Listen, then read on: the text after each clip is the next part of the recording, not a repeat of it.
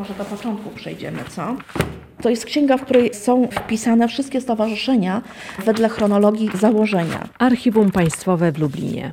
Pod numerem 38 w 1909 roku w rejestrze guberni lubelskiej zarejestrowane Lubelskie Towarzystwo do Walki z Gruźlicą.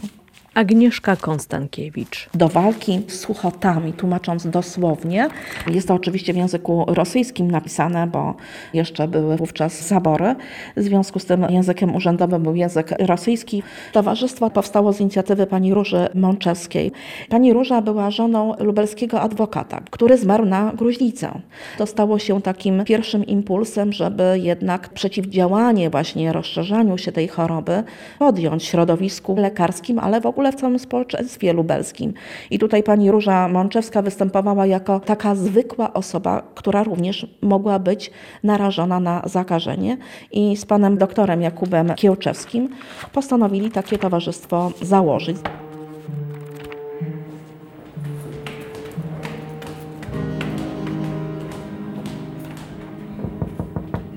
Dr Marek Michnar, pulmonolog w katedrze i klinice pneumonologii, onkologii i alergologii Uniwersytetu Medycznego w Lublinie. Wracamy do tej przeszłości. Wtedy ta choroba zbierała ogromne żniwo, bo do pojawienia się leczenia mamy 40 lat praktycznie, do pojawienia się pierwszego leku. I to dramat był ogromny, ponieważ to byli ludzie, którzy umierali właśnie w tym wieku młodym.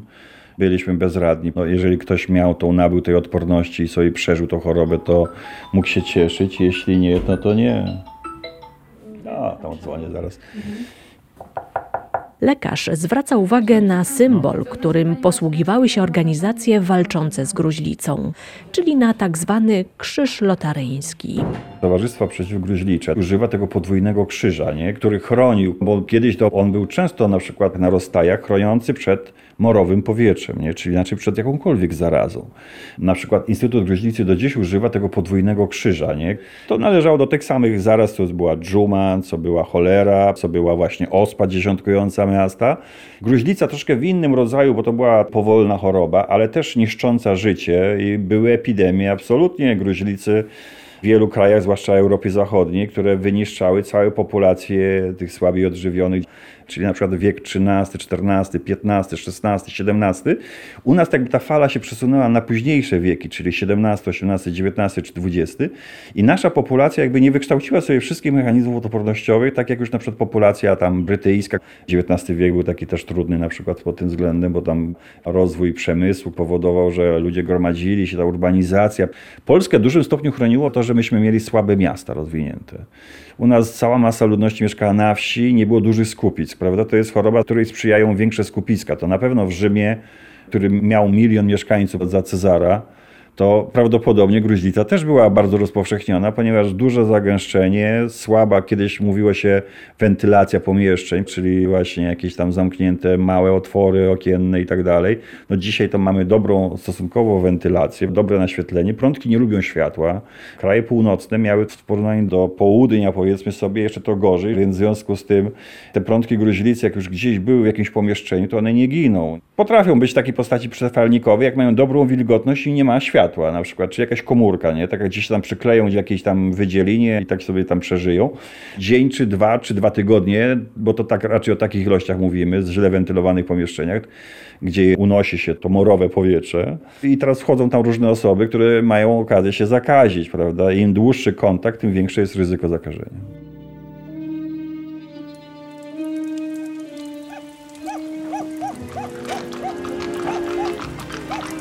Gdy w Lublinie powstaje Towarzystwo do Walki z Gruźlicą, Jan Danielski ma 17 lat. Wychowuje się w majątku zarządzanym przez ojca w Płonnem na Wołyniu. Jak mówi wnuk Zygmunt Barszczewski, tu zaczęło się to, co później stanie się głównym przedmiotem badań naukowych jego dziadka, przyszłego lekarza.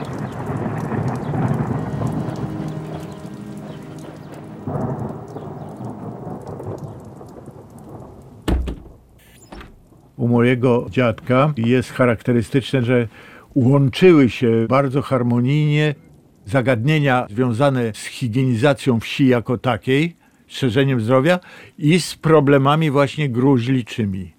On te rzeczy traktował w sposób powiązany ze sobą razem. Jako syn zarządcy majątkiem, przebywający i tą wczesną młodość spędzający na wsi, być może też zapoznał się z tym problemem. Już nie mówiąc o tym, że w owym czasie dwóch jego dziadków wróciło z Syberii i zmarło na gruźlicę ciężko chorych. Nie był to syn wielkiego miasta, choć co prawda wcześniej już zaczął nauki w Kijowie, choć obracał się, że tak powiem, w eleganckim bardziej świecie, ale mimo wszystko no, jakieś te warunki mógł też poznać. Dziadek studiował nie z własnej winy na raty medycynę, jako że już w liceum działał w podziemnym ruchu narodowościowym, patriotycznym, już sprzedając cegiełki bratniaka tak zwanego. Po ukończeniu tego liceum rozpoczął już na szerszą skalę działalność taką właśnie wśród organizacji młodzieżowych niepodległościowych i równocześnie zaczął studiować w Kijowie, jako że to było to miasto, które najbliżej jego miejsca zamieszkania było i gdzie cała rodzina też w Kijowie mieszkała. Ale został aresztowany za tą działalność właśnie niepodległościową zwolniony po kilku tygodniach. To był 11 rok, 1911 rok. I studiował do momentu mniej więcej wybuchu I wojny światowej, więc w 14 roku, gdzie aresztowano go powtórnie, po czym zesłano go do Wiatki. Czyli tak, 13 rok w Wiatce, a do końca 16 roku studiował w Charkowie. I tam ukończył ze złotym medalem zresztą studia.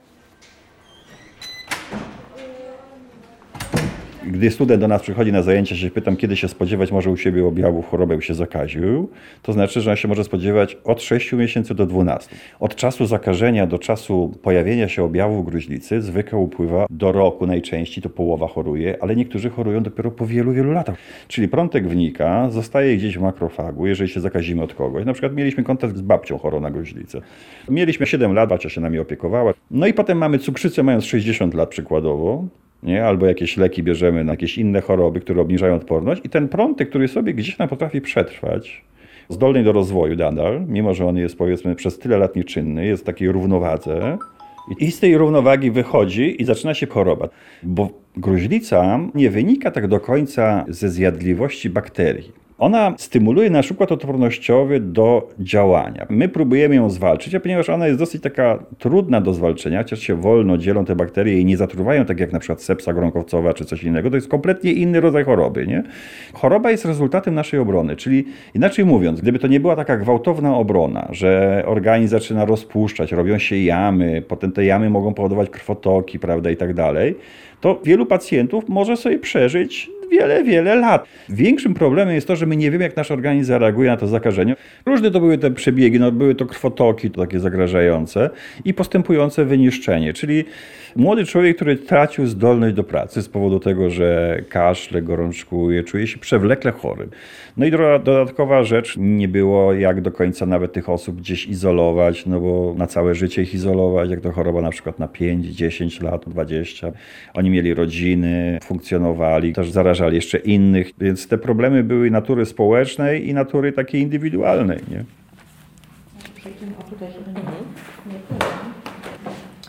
Dokumenty, to akurat późniejsze. Protokół numer jeden, może odczytam. Tak. W dniu czwartym miesiąca lutego 1910 roku wybrany przez walne zebranie zarząd Towarzystwa Walki z Gruźlicą dokonał wyboru ze swego grona. Prezes pani Róża Mączewska, wiceprezes dr Jakub Kiełczewski, sekretarz dr Bronisław Sitkowski i skarbnik dr Jan Klarner. Następnie pani Róża Mączewska ofiarowała swoje mieszkanie na lokal zarządu. Na powyższym posiedzenie zamknięto, naznaczając termin następnego posiedzenia na dzień 4 marca roku bieżącego. Działania były bardzo systematyczne, bo praktycznie raz w miesiącu towarzystwo starało się zebrać. Towarzystwo ruszyło od wsparcia około 50 osób. Ta liczba stale wzrastała. W 1913 roku Lubelskie Towarzystwo do Walki z Gruźlicą podawało w swoim sprawozdaniu, że miało około 300 członków. Członkami, którzy byli założycielami jednocześnie, oprócz pani Róży Mączewskiej i Jakuba Kiełczewskiego, był także dr Mieczysław Biernacki i Juliusz Wetter, jak również mecenas Władysław Muszyński, który tutaj wspierał od strony prawnej działalność towarzystwa na początku. W późniejszym czasie Wacław Bajkowski przejął tę działalność od strony poprawności prawnej. W roku 1911 wiceprzewodniczącym został Jakub Kipman, dyrektor lubelskiego oddziału Banku Handlowego w Łodzi. I przez dłuższy czas w tym banku właśnie mieściło się konto towarzystwa. Także on rzeczywiście tutaj był mocno zaangażowany, wspomagał od strony organizacyjnej, biznesowej, w jakiś sposób radzić sobie i dodatkowo pozyskiwać środki na rzecz towarzystwa. A sekretarzem był dr Wacław Jasiński, który był wówczas lekarzem wojskowym w szpitalu lubelskim dr Piotr Borusewicz, ordynator szpitala Dzieciątka Jezus w Lublinie, a skarbnikiem w dalszym ciągu był dr Jan Klarner, ordynator szpitala żydowskiego w Lublinie. Także były to osoby, rzeczywiście czołowi przedstawiciele świata lekarskiego w Lublinie, którzy mieli żywotny interes, żeby profilaktykę wdrożyć, podnieść tą świadomość, przeciwdziałać rozszerzaniu się choroby. I tutaj też postawiono sobie na cele właśnie otworzenie przychodni, bo rzeczywiście już w zachodniej Europie te przychodnie przeciwgruźlicze były bardzo słynne, no i to pozwalało skutecznie leczyć i już w 1911 roku powstała pierwsza przychodnia przeciwgruźlicza w Lublinie. To był ogromny wysiłek, żeby taką przychodnię otworzyć. Potrzebne były środki i te środki znalazły się dzięki właśnie podejmowanym różnego rodzaju akcjom, nie tylko właśnie, że filantropii lubelscy, począwszy od przemysłowców, ponieważ Juliusz Wetter wiele wniósł, ale pani Róża bardzo dużo wyłożyła funduszy własnych na cele towarzystwa. No i wszystkie osoby, które rzeczywiście coś w Lublinie znaczyły, nie tylko ze środowiska lekarskiego, ale kultury, polityki, włączały się w akcje, które były podejmowane na rzecz zdobywania środków. Między innymi w latach 20., 30. znalazłam w protokole taką piękną akcję sprzedawania kwiatów. Po prostu pani Róża zakupiła dużą ilość kwiatów i wszystkie pozyskane w ten sposób fundusze były przekazane na cele towarzystwa. Każda złotówka się liczyła, tym bardziej, że w pewnym momencie towarzystwo zaczęło już szeroką akcję organizowania kolonii letnich dla dzieci, bardzo wspomagającą profilaktykę walki z gruźlicą.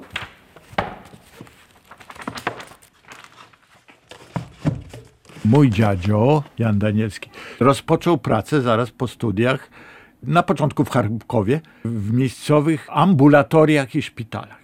Potem, ponieważ chciał być bliżej rodziny i już wtedy narzeczonej, zatrzymał się w Kijowie i tam kolejny rok pracował. Czasy były coraz bardziej niespokojne. 18 rok to już się kończyła rewolucja burżuazyjna. Pobrali się z moją babcią, postanowili wyjechać do Polski. Natychmiast po powrocie do Polski mój dziadek stał się lekarzem wojskowym. Wylądował na początek w szpitalu w Częstochowie, gdzie nawet został zastępcą ordynatora oddziału. Potem, jak to wojskowego, przerzucano wiele miejsc.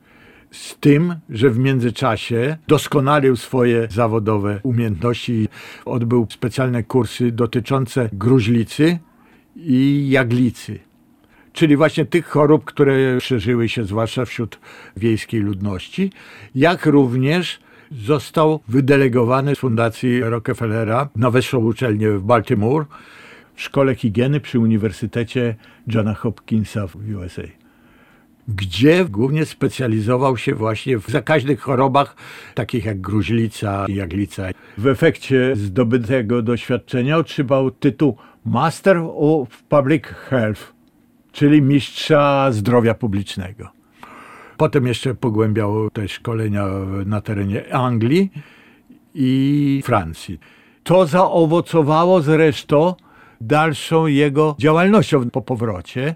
Na dwa lata został oddelegowany do Lwowa celem utworzenia placówki przeciwgruźliczej.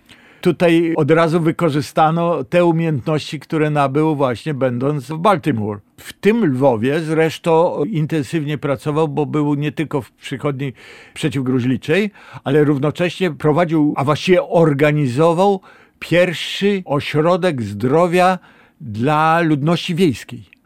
I w 1930 roku, czyli bezpośrednio z Lwowa, objął stanowisko naczelnika Wydziału Zdrowia Urzędu Wojewódzkiego w Tarnopolu. Po dwóch latach został awansowany na stanowisko też naczelnika Wydziału Zdrowia Urzędu Wojewódzkiego w Lublinie. I tam przebywał aż do okresu wojny, no i w czasie wojny też. Trzeba powiedzieć, że przy ulicy Górnej otworzono przychodnie Towarzystwo Przeciwgruźlicze, Lubelskie Towarzystwo Przeciwgruźlicze i tam właśnie dziadek mój i jego dobra znajoma, która zresztą u nas w domu była, którą poznałem, profesor Mysakowska, prowadzili właśnie tą poradnię przeciwgruźliczą. Pani doktor Mysakowska zaraz po zakończeniu studiów na Uniwersytecie Jana Kazimierza w Lwowie w 1929 roku przybyła tutaj i praktycznie od samego początku ona zajmowała się pracą z ludźmi chorymi na gruźlicę. Doktor Jan Danielski i doktor Helena Mysakowska znali się z Lwowa. Współpracowali nie tylko w przychodni gruźliczej na ulicy Górnej, ale też w Lubelskim Towarzystwie Przeciwgruźliczym. Też zachowała się teczka, która jest przechowywana w Urzędzie Wojewódzkim Lubelskim z okresu międzywojennego, poświęcona właśnie działalności towarzystwa. Te więzi pomiędzy Urzędem Wojewódzkim a towarzystwem były dość ścisłe, bo Jan Danielski, który był przewodniczącym towarzystwa już w latach 30. okresu międzywojennego, był równocześnie kierownikiem Wydziału Zdrowia przy Urzędzie Wojewódzkim. W związku z tym rzeczywiście było to dobrze połączone, że jednocześnie on prowadził tą profilaktykę i wiedział, co też można od województwa uzyskać. W towarzystwie zaczyna się pojawiać myśl o stworzeniu sanatorium sanatorium w Krasnobrodzie. Towarzystwo nabyło działkę i na tej działce postanowiono zbudować od początku sanatorium dla chorych na gruźlicę.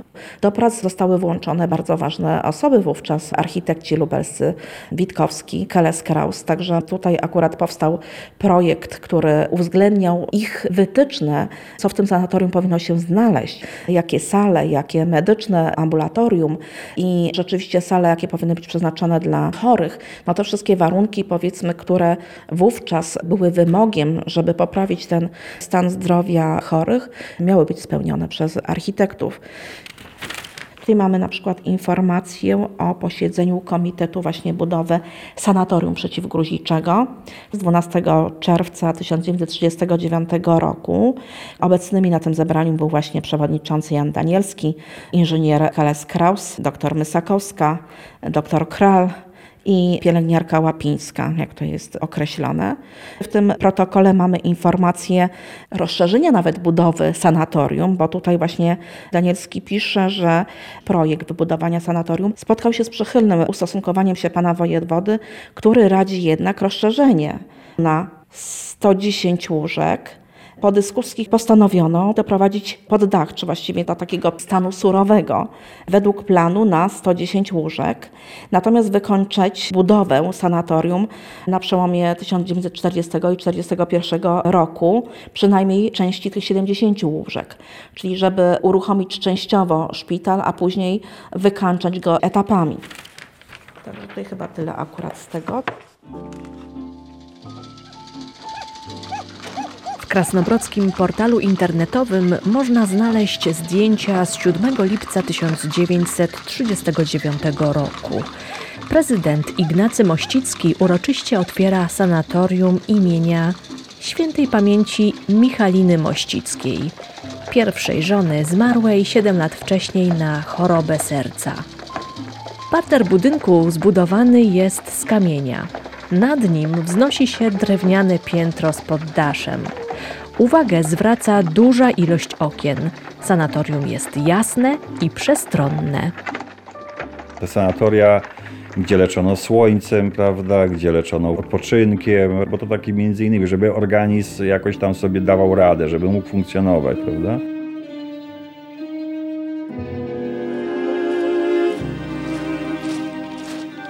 Okupacja przerwała te prace i praktycznie sanatorium w Krasnobrodzie powstało już w latach 50.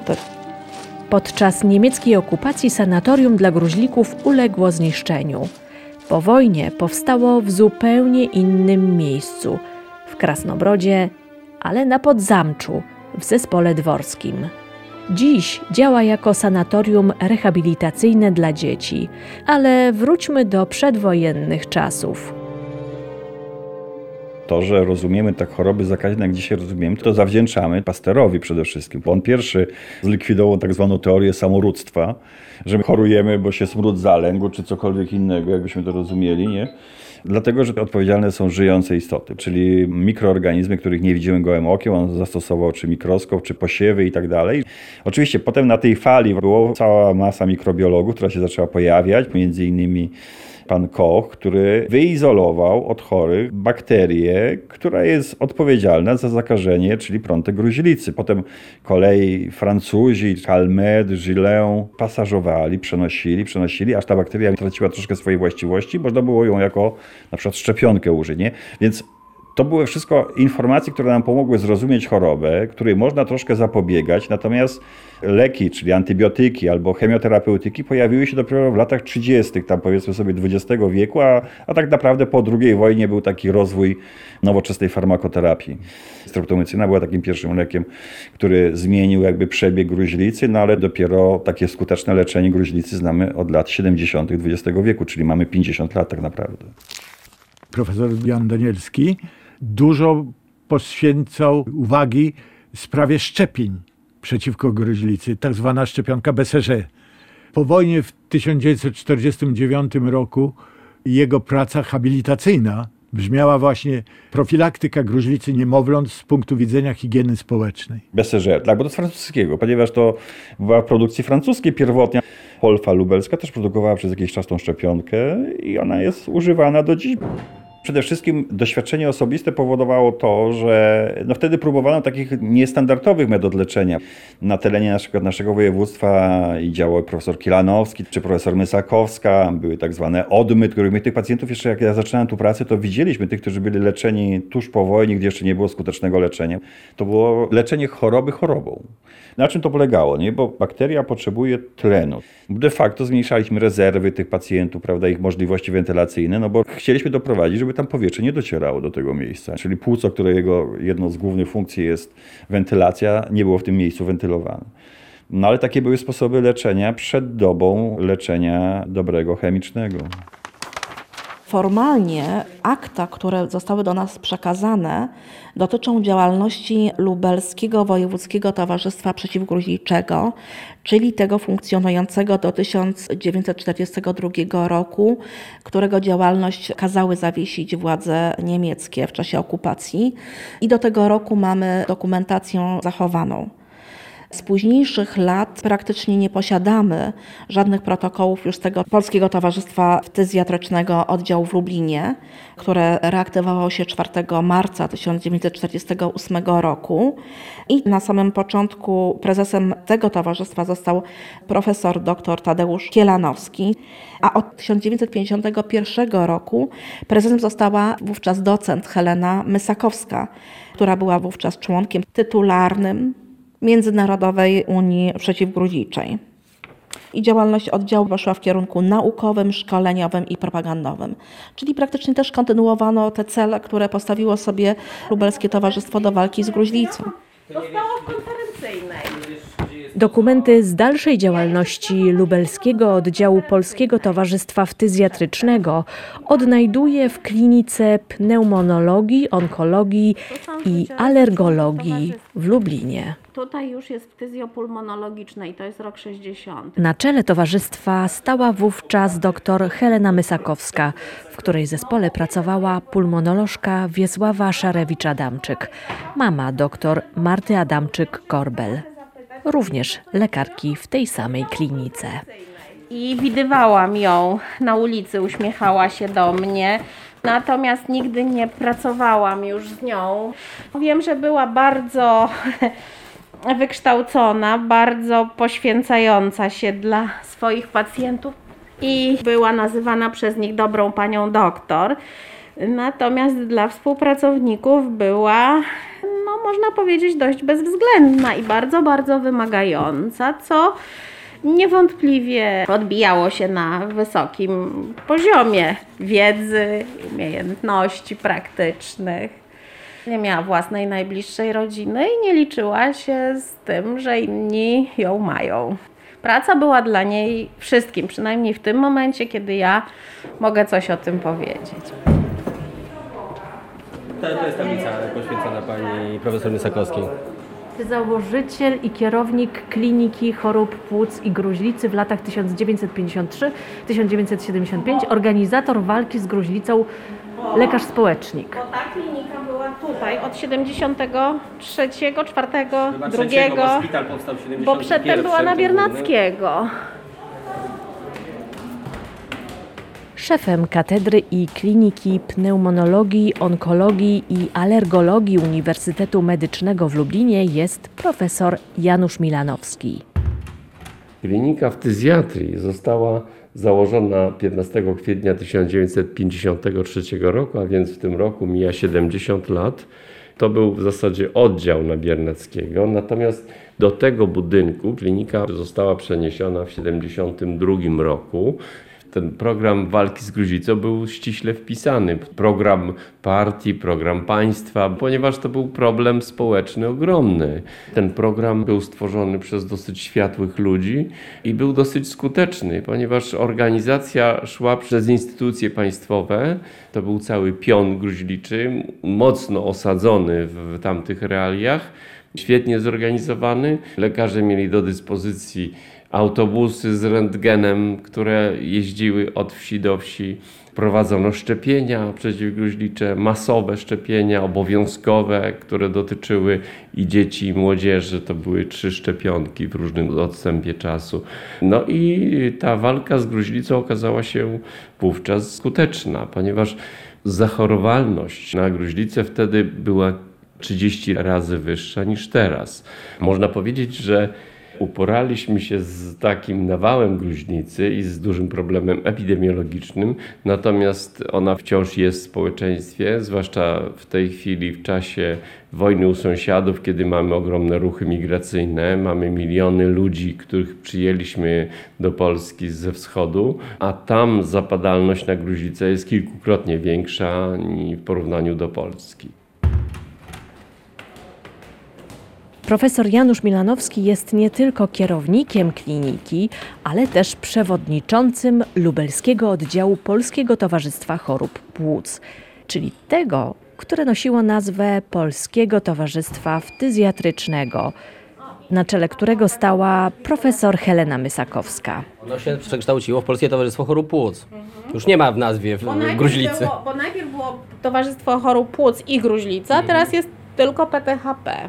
Dr Marta Adamczyk-Korbel i profesor Paweł Krawczyk, kierownik pracowni immunologii i genetyki w Katedrze i Klinice Pneumonologii, Onkologii i Alergologii Uniwersytetu Medycznego w Lublinie, pokazują zdjęcia zmieniającej się przez lata placówki i pracujących w niej ludzi. To jest to wielkie laboratorium Prądka. Całe to piętro od tego okna do końca to było laboratorium Prądka i zajmowało się tylko i wyłącznie diagnostyką gruźlicy. Pół tego piętra, po drugim No tam był gabinet. były Czyli gabinety. tak jak teraz jesteśmy, tutaj stały takie, ja jeszcze to pamiętam, bo To było takie przeszklone i stały takie wielkie lady, wyciągi, te wszystkie szalki. To już za moich czasów, jak tam założyliśmy to laboratorium genetyczne, to myśmy byli fragmentem właśnie w ramach tego wielkiego laboratorium prądka gruźlicy i tam siedzieliśmy w takim małym pomieszczeniu. A naprzeciwko nas był inkubator, tylko że to nie był inkubator taki jak w czasach współczesnych, że skrzynka podłączona do dwutlenku węgla i grzało to, tylko to było pomieszczenie z takimi kaloryferami dookoła. I tam się wchodziło normalnie, a tam wszędzie stały te probówki z hodowlami prądka w ciągu gruźlicy. 24 godzin ci mówiła, czy w Focinie są prądki, czy nie ma. I można było przyjść, popatrzeć, czy coś rośnie. Człowiek wiedział, jak to wygląda. I zarazić się można było. Większość z tych starszych naszych kolegów, chyba praktycznie wszyscy, oni mieli za sobą epizod zachorowania na gruźlicę. A część z nich zostawała ftyzjatrami właśnie dlatego, że sami byli leczeni. Był pan doktor tutaj w naszym oddziale w szpitalu, który był leczony leczeniem zapadowym jako młody chłopak, miał zniekształcony kręgosłup, zniekształconą klatkę, ale przeżył dzięki temu. Charakter kliniki zmieniał się wraz z epidemiologią chorób, które nas otaczają, z którymi mamy do czynienia. I tak jak kiedyś klinika ftyzjatrii zajmowała się głównie gruźlicą i chorymi na POHP, zapalenia płuc, rak płuc był rzadszy, natomiast ten profil się zmieniał wraz z czasem i dzisiaj rak płuca dominuje w leczeniu wśród naszych pacjentów. Natomiast gruźlica zeszła na dalszy plan, ale nadal spotykamy ją. Także mamy czasami pacjenta, którego możemy pokazać studentom.